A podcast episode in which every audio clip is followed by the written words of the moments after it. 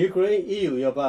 သမဂ္ဂအဖွဲ့ဝင်ဖြစ်လာရေးကနဦးအဆင့်အဖွဲ့ဝင်နိုင်ငံလောင်းအဖြစ်ဥရောပလွှတ်တော် EP ကထောက်ခံအတည်ပြုပေးလိုက်ကြပါတယ်။ဒါဟာဥရောပကောင်စီထိပ်သီးပွဲမတိုင်ခင်ဥရောပလွှတ်တော် EP ဘက်ကနေတခဲနက်မဲခွဲအတည်ပြုပေးလိုက်တာဖြစ်ပါတယ်။ဥရောပခေါင်းဆောင်အားလုံးအနေနဲ့လည်းဒီနေ့နေ့လယ်ထိပ်သီးပွဲကျရင်မဆိုင်းမတွဆက်ထောက်ခံပေးဖို့သမိုင်းတာဝန်ရှိနေတယ်လို့လည်း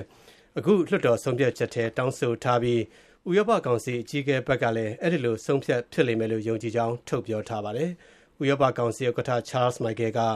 ဥရောပခေါင်းဆောင်တွေ အားလုံးအနေနဲ့လည်း ယူကရိန်းအတွက် အခုလိုဆက်ဆုံးဖြတ်ပေးဖို့ ယုံကြည်မှုရှိထားပြီးပါပြီလို့ ဒီနေ့ပဲ ပြောလိုက်တာပါ။ဒီနောက်ဆုံး ဥရောပကောင်စီ အစည်းအဝေးအတွက်ရော ဥရောပလွှတ်တော်အတွက်ပါ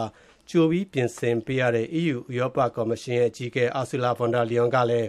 ယူကရိန်းကို ကိုယ်တိုင်သွားခဲ့ပြီး အခုလို ထောက်ခံမှုပေးဖို့ ပြီးခဲ့တဲ့အပတ်ထဲကပဲ အခိုင်အမာ ထောက်ခံခဲ့ပါသေးတယ်။ ဒါ့အပြင် ဥရောပကော်မရှင်အနေနဲ့ ရုရှားကျူးကျော်စစ်အပြီး အခုလို ယူကရိန်းကို လက်ခံရေး တက်သုတ်ရိုက်လုပ်ပေးတာအပြင် ယူကရိန်းရဲ့ အိမ်နီးချင်း Moldova နိုင်ငံကိုလည်း အလားတူရဖို့ ပြီးခဲ့တဲ့အပတ်ကပဲ ထောက်ခံချက်ပေးထားပါတယ်။ဒါ့အပြင်